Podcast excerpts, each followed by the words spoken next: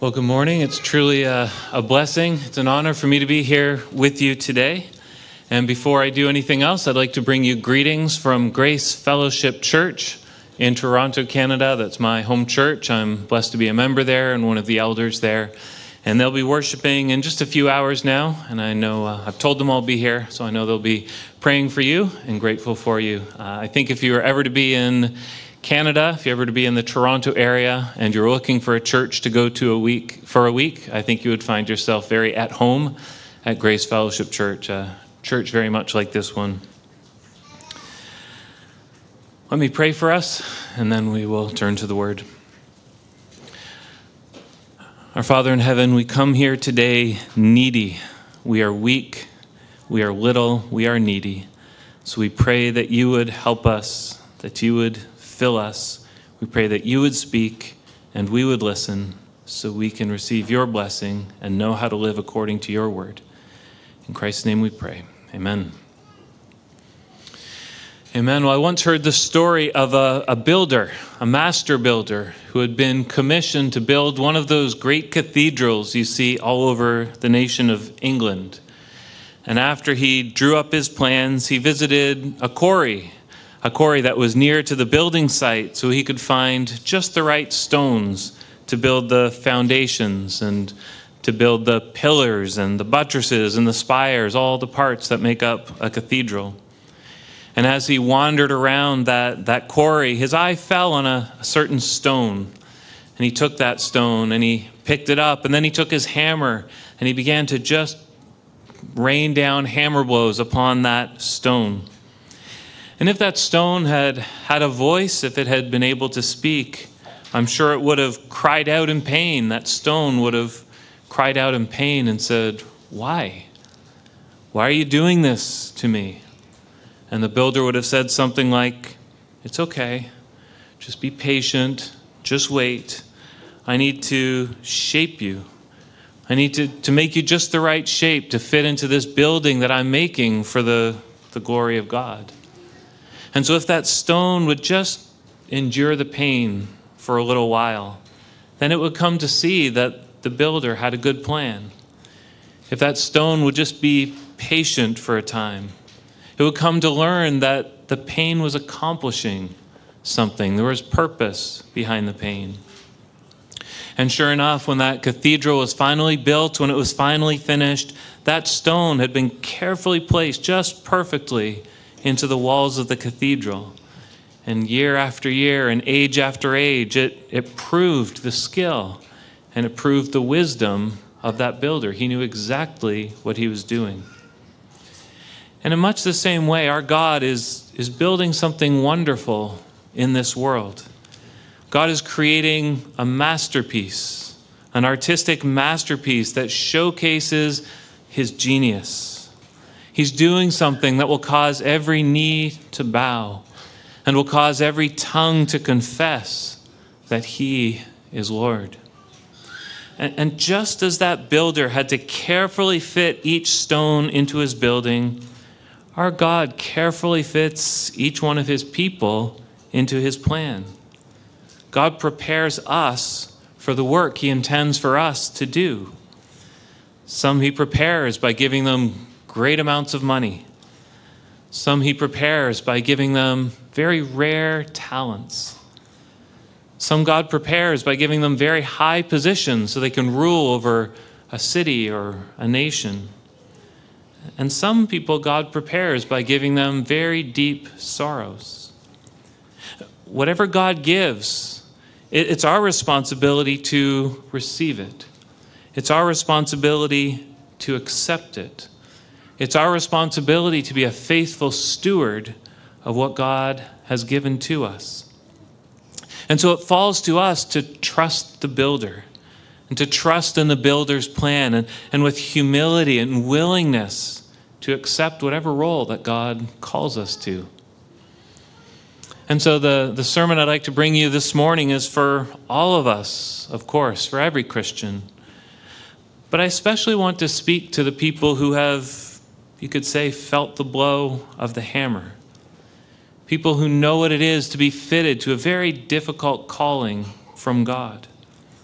And so I'm sure there are many people in this room who are going through times of pain and times of sorrow. People who are going through times of grief and loss, times of trial and times of suffering. And what I'd like you to do, or what I'd like to call you to do, call all of us to do really, is to submit to God in our sorrows.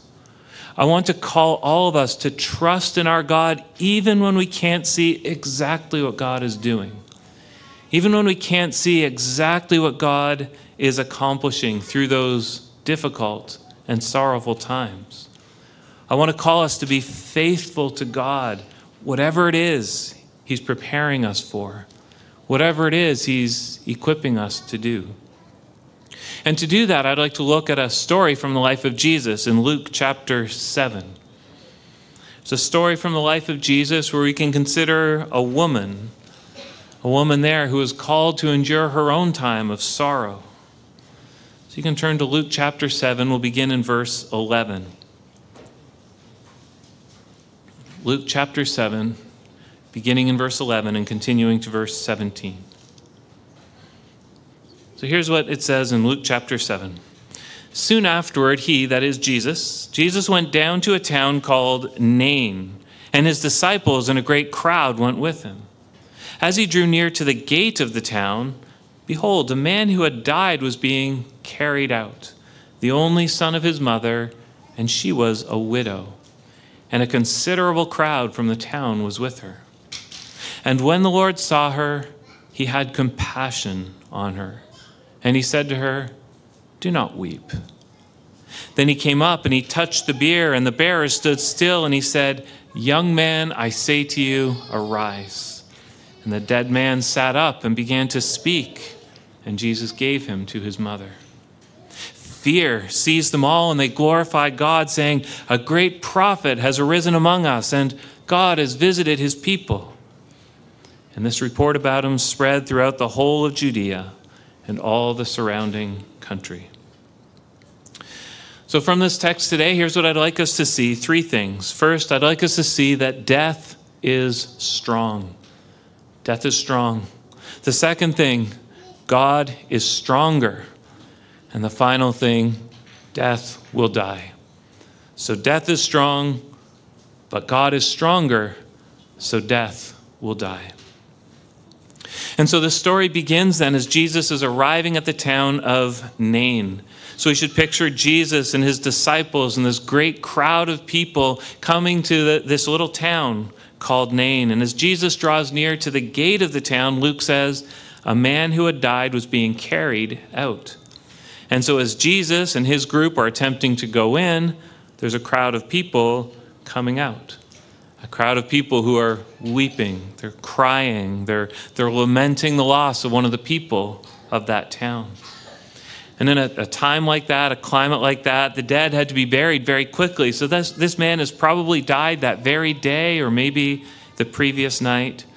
Already it's time to take him out and to put him in his grave. And so this, this man is being carried out upon a bier or a bier. It's a, a platform that you would use to carry a body. So, who is this man, we wonder? And Luke tells us.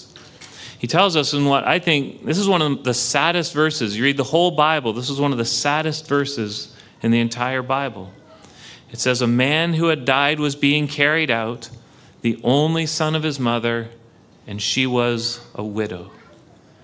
And so, as this crowd goes out at the, at the front of the whole group, there's a woman just staggering under the weight of her grief.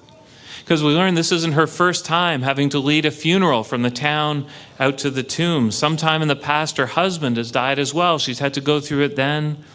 And now grief has followed grief, and pain has followed pain. First her husband, now her only son. So, twice now, death has visited this woman. Twice now, death has vis- visited her family and has left her with a broken heart. Now, when she suffered the loss of her husband, it was her son who became head of the family, her son who was meant to care for her, her son who was to take on that responsibility that had been his father's. But now the son is gone too, so what's left for this woman? Who will meet her needs? Who will care for her as she gets older? Or just as bad, how will her community regard her now that she's suffered not just one big loss, but two? Will they treat her as, as a great sinner? They say, God must be punishing you for your sins. Surely she, she thinks back to Naomi and she's tempted to say, Call me Mara, call me bitter, for the Lord has dealt very bitterly with me. And so this, this is the scene that Jesus sees. He comes across as he approaches the town of Nain. And so, what does Jesus do as he sees this scene? Jesus goes right into it. He walks right into it. And isn't that just like our God? Isn't that just like our God to go right into the middle of humanity's suffering, of our pain, of all the mess, the sadness we've made in this world? Our God goes right into the middle of it. Verse 13. And when the Lord saw her, he had compassion on her. And he said, Do not weep. Jesus sees her, and immediately he has compassion. And that compassion involves feelings. Of course, you feel compassion, but it also involves action.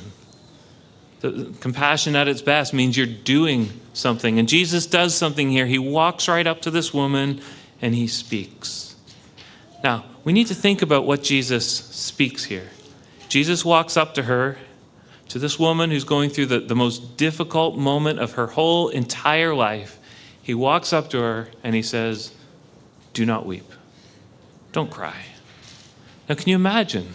Can you imagine that? Jesus approaches her at that moment and says those words. It was just a couple of years ago that my son passed away. Nick was 20 years old. He was a student at seminary. He was just newly engaged to a wonderful young lady, and just very suddenly, he passed away, very unexpectedly. He died. And we had to, we had to go through this. We had to walk through the cemetery to take him to his grave. And I simply can't imagine what it would have been like to have some stranger in a crowd of people come walking toward us through the cemetery. And then the one man walks out. We don't know who this guy is. And he walks up to us and he says, Yeah, don't cry. We need to understand how, how weird this is, how crazy this is that, that a man would come up and say, Do not weep. I mean, don't weep. This is real. Our, our family has been shattered. Our hearts have been broken. How can you tell us not to cry, not, not to weep? See, these could have been very cruel, cruel words. If you go to a funeral and you tell the brokenhearted person, don't cry, that's it's a cruel thing to do. But there's a difference between when Jesus speaks and when we speak. Because Jesus can do something about it. Jesus can do something to turn this woman's mourning into laughter, to, to loose her sackcloth, to clothe her with joy, as the scripture says. We'll see what he does in a moment, but first we need to consider this. Aren't you thankful that our God is compassionate? Aren't you thankful that our God says he's close to the brokenhearted? That our God saves those who are crushed in spirit? Aren't you thankful that our God promises he will not break a bruised reed, he will not snuff out a smoldering wick? Aren't you thankful that we serve the God who, who shows compassion to his children? The Lord shows compassion to those who fear him, for he knows our frame. He remembers we're only dust. I've been traveling the world this year. Just a few weeks ago, I worshiped in a context where most people were Hindus. And right before that, where most people are Buddhists and they live in fear of demons and spirits. They don't know anything about a God who's compassionate None of these people know about a God who enters into their pain, but we as Christians, we do. Our God is compassionate. Our God draws close to us in our sorrows. God's compassion draws him near to us when we cry out for his help. Our God is most present just when we need him the most. He's present by his word, he's present by his spirit, he's present by his people, and in this story we're reading, he's present by his son. And so we've seen that death is strong. Let's see that God is stronger. God is stronger than death. Verse 14 Then Jesus came up and he touched the bier of the platform, and the bearers stood still. And so he reaches out his hand and he touches the platform that this man is lying upon. Now, Luke uh, didn't record details for no reason. There's some reason he mentioned that Jesus touched the platform. Why would he say that? Why mention that fact? Well, that's because this platform is associated with death. And so to touch it is to become immediately unclean. But Jesus touches it and doesn't become unclean. So we have to ask who could touch death, and yet de- death can't touch him? Death doesn't defile him. There's, there's something going on here. Jesus speaks again. He says, Young man, I say to you, arise. Now, have you ever seen a body? I'm sure most of us have at one time or another. We've seen one of our friends or one of our family members laid in a, a casket and we've looked at them, we've gazed at them. But I really doubt any of us have ever looked at that body and said, I say to you, arise. I hope. I mean, we've wanted to. Of course, everything in us cries out, wake up, arise. We've longed to see that. But we know that our words would be pointless. There's no point in speaking to that body. We can't do anything. We may as well go outside and tell the sun to set in, in the middle of the day or go out and tell the earth to start reversing its orbit. We, we have no power. We could spend all night crying out. We could cut ourselves like the prophets of Baal until we're bleeding all over the place. We, we can't do anything. We can cry out, nothing would happen. We have no power over death. But what about Jesus? Verse 14 Jesus said, Young man, I say to you, arise. And the dead man sat up and began to speak. You see what Jesus does here? Jesus faces death. He, he stares death right in the face. He, he has this match, match up against death, and he shows who's master and who's servant. He shows that he is supreme. He rules even over death. Because when Jesus commands, all must obey. When Jesus gives the order, nobody can resist him. When Jesus speaks, even the dead hear, even the dead obey his word. I like how Luke describes this. He says, The dead man sat up and began to speak.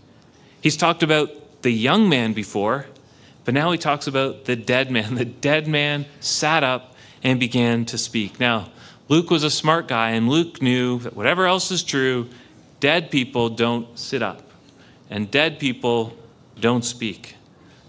Dead people don't do anything, they can't do anything.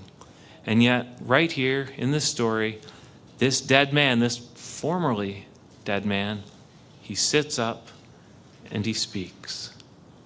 And it is proof right here that the words of Jesus have power. The words of Jesus have all the power of Almighty God. This, this dead man could no more disobey than the, the, the world could disobey. When God said, Let there be light, when God said, Let there be light, there was going to be light. There was no other thing that ever could have happened. This dead man could no more remain still than when God commanded the, the waters to come forth and flood the earth. Of course, the waters were going to come forth and flood the earth. What else could happen? When God speaks, everyone, everything obeys. No, no power and no force, no angel, no demon, no man, no woman, nobody can resist the will of God. None can resist the word of God. This world was created with a word History will end with the words Satan will be cast down with a word. Our loved ones will be raised with a word. Death is overcome forever with just a word. Death may be strong, death is strong, but God is stronger, infinitely stronger. What we need to understand is that what Jesus did to this man who was physically dead, his body was dead. God has done this to us who, who are spiritually dead, whose souls were dead. Right? Without Christ, we were dead in our sin. We were as dead in our souls as this man was in his body. But what happened? God spoke. God spoke through the gospel, and we heard. God enabled our dead souls to receive the word of God. So praise God that the word he spoke to us was powerful, that the word of the gospel was living and active. It was sharper than any two edged sword. Praise God that his word made our dead souls come to life. Praise God, he has power over dead bodies and he has power over dead souls. And so I ask have you, have you believed in Jesus Christ? Have you put your faith in the Lord Jesus Christ, repented of your sins, and, and given yourself to now living for the glory of this all powerful God who rules over all men, all creatures, who rules over death even? Jesus said, I say to you, young man, arise. That's what he says to us. That's what he said to all of us who are Christians. Arise. Arise in your soul, come to life, and honor him, trust in him. Back to our passage, verse 14. Jesus said, Young man, I say to you, arise. And the dead man sat up and began to speak. What, what a moment that must have been. You can just hear people screaming and gasping in surprise. God has done something miraculous. God has demonstrated that even though death is strong, he is stronger. And it's not even close. This isn't a boxing match where it kind of goes this way for a while and it goes that way for a while, and you don't really know who's going to win. Uh, this is an elephant battling a mouse, or this is a mountain compared to, to an anthill. Death has power, but it only has the power that God permits it to have. And it will have that power for only as long as God permits it to have it, and then it's done. We've seen that death is strong. We've seen that God is stronger. Just one more thing to show you, which is this death will die. I want to draw your attention to a, a, little line we could overlook if we weren't reading carefully. We need to be careful readers of the Bible. Verse 15 The dead man sat up and began to speak, and Jesus gave him to his mother. That little line is kind of a key, and it unlocks some really beautiful treasures if we'll look for them. And the reason for that is that's not just a description. I mean, it does describe what happens, but it's not just a description, it's also a quotation. That line is drawn directly from the book of First Kings. In the book of First Kings, there's another story, true story like this one, about another widow who lost her son. It's just that it happened hundreds of years before. And so in the book of First Kings, we read about that great prophet Elijah.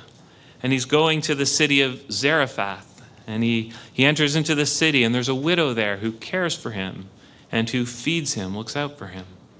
And then, very sadly, her son gets sick, and her son dies. You might remember, you might remember what happens there. Elijah lays that child in bed and he stretches himself out upon that child three times and he, he cries out, he prays to God for the life of that child. And here's what we read in 1 Kings. And the Lord listened to the voice of Elijah, and the life of the child came into him, and he revived. And Elijah took the child and brought him down from the upper chamber into the house, and here are the words, and he gave him to his mother. The exact same sentence as we find in the book of Luke. And so Luke's doing something here. He's, he's meaning to draw our minds for a moment from Luke or from Jesus all the way back to Elijah. He's wanting us to know there's a connection between these two stories. And so, what he's doing is he's setting this story in, in the big story of what God's doing in this world. He's showing its location in, in a huge story of all that God's unfolding through history. He's making sure we know these aren't really two separate stories, these are two parts of the very same story. But he also wants us to know that the story is drawing toward its conclusion, the story is progressing. And we know that because there's some differences here. Like Elijah, what did Elijah have to do? He had, he had to do his miracles through the power of God. He had to cry out and beg God, please, would you save the life of this child? Jesus had his own power. Jesus didn't have to cry out, he could just do it. Or like the fact that Elijah has to, has to cry and pray for God, Jesus simply speaks the word. And so we see there's a difference between Elijah and Jesus. God's plan is advancing from Elijah to Jesus. We can miss this connection if we're not reading carefully, but it seems like the people who were there that day understood. Because in verse 16, we read that they're seized with fear and they glorify God. And what do they say? A great prophet has arisen among us.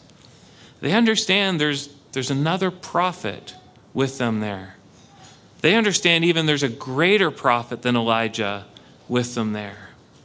And we understand that Elijah was the shadow and Christ was the reality, that Elijah, in his own way, was just pointing forward to Jesus all along. Jesus is the one who would fulfill all the prophets. And so this story draws connections from the past to the present, from what God has done in history past to what he's doing in, in unfolding this great plan for the world. But it also points us toward the future. It tells us, it points us from what God is doing to what he will do. As the people cry out, A great prophet has arisen among us, they also say, God has visited his people. Isn't that interesting? God has visited his people. They know that, that in some way God's power and God's presence is with them. They understand that God's power is with them in, in a new way, in a, in a stronger way, in a better way than ever before. They know something unique, something wonderful is happening right there, right before their eyes. There's no doubt, as they're standing there that day, no doubt that God has visited his people. God is with them right there in the, in the person of the Lord Jesus Christ.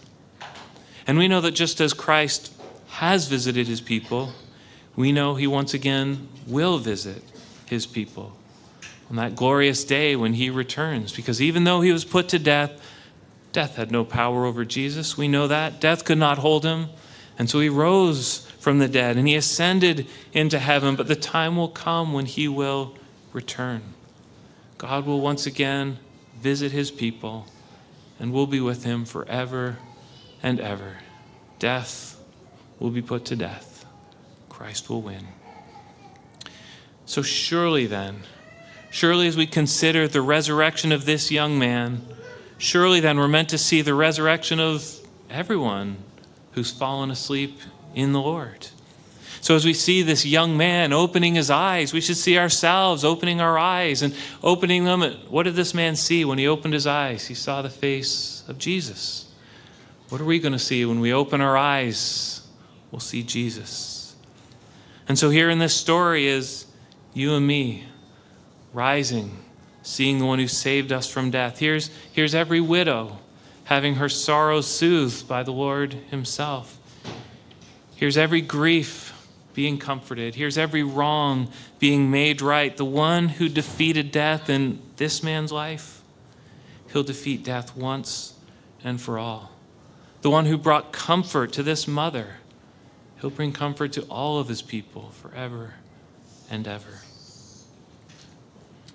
I began today by telling of a stone that cried out in pain, cried out in, in surprise and bewilderment as it, as it felt the blow of that hammer, as that builder was preparing that stone to take its place in the cathedral.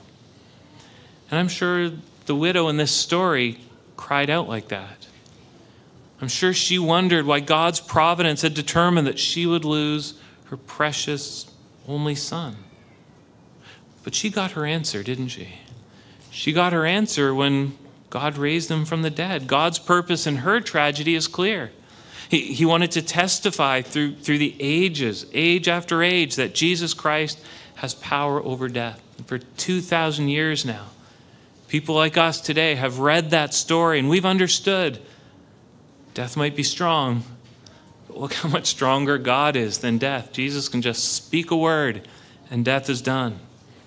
For 2,000 years, people have known her story, and I'm sure she would gladly say, I am content. I understand what God was accomplishing through my sorrow. Praise be to God. Each of us experiences time of pain and times of sorrow. And like that stone and like that woman, we cry out. We want to know why. But unlike that stone and unlike that woman, God doesn't usually reveal exactly why we go through these times of pain and these times of sorrow. He doesn't, he doesn't reveal exactly why He calls us to go through difficulties and trials and losses. And so we suffer without the clear answers we'd like.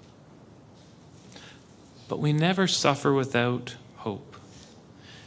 Because we can be certain that God is every bit as compassionate toward us as he was toward that woman. And we can be certain that God has purposes in our sorrows just as much as he did in her sorrows. We can be certain that the master builder is up to something in our lives in the same way he was up to something in her life. And so this story can encourage us that God is accomplishing something good. He's accomplishing something glorious in our sorrows. And that's true even when we can't exactly see what it is, and we're just left to, to wonder. And so I'm sure we have people here today who are suffering with physical pain or people who have endured miscarriages or people whose children have turned away from the Lord, widows or widowers, people who've lost a son or daughter, mother, father, brother, sister, so much pain. There is so much pain in this world, and as Christians, we don't get to escape it. Yet somehow, we have to believe that somehow even this is God's will for us. Somehow, even this comes from His hand. Somehow, even the pain we're going through today is, is fitting and preparing us for God's purposes. Somehow, our pain is, is not only known to God, but it's precious to God, it's meaningful to God. And we can be absolutely certain that someday it will all make sense. Somehow, someday we'll know that every bit of it showcases, it just displays God's glory. So, as we wrap up, I just want us to consider this last thing. How long was the gap between when that woman experienced her greatest grief and when she experienced her greatest joy? How long was that stretch of time? It was probably just a few hours, right? Between the moment when her son died and the moment when Jesus raised her son. And what I think we need to consider is is there really that much more time between the sorrows we endure today and the comfort God promises we'll receive? Is it really that much longer? We've got this eternity stretching out before us, endless ages, 10,000 times 10,000 years in the presence of God. So if we keep that in mind, how long is this stretch of time between our grief and our comfort? When the Apostle Paul considered his pains and afflictions, and make no mistake, deep pains, terrible afflictions, he said they are light and momentary.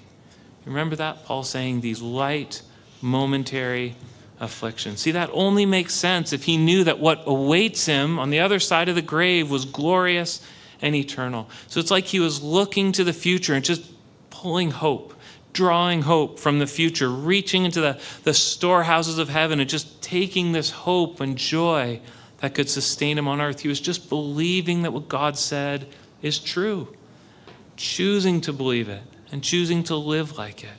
In the present, his pains were weighty and momentous, hard. But he was convinced that compared to the future, they were light and momentary. And so we just need to imagine, consider how long eternity must be and how great the glory there must be that would make even the deepest sorrows just disappear by comparison.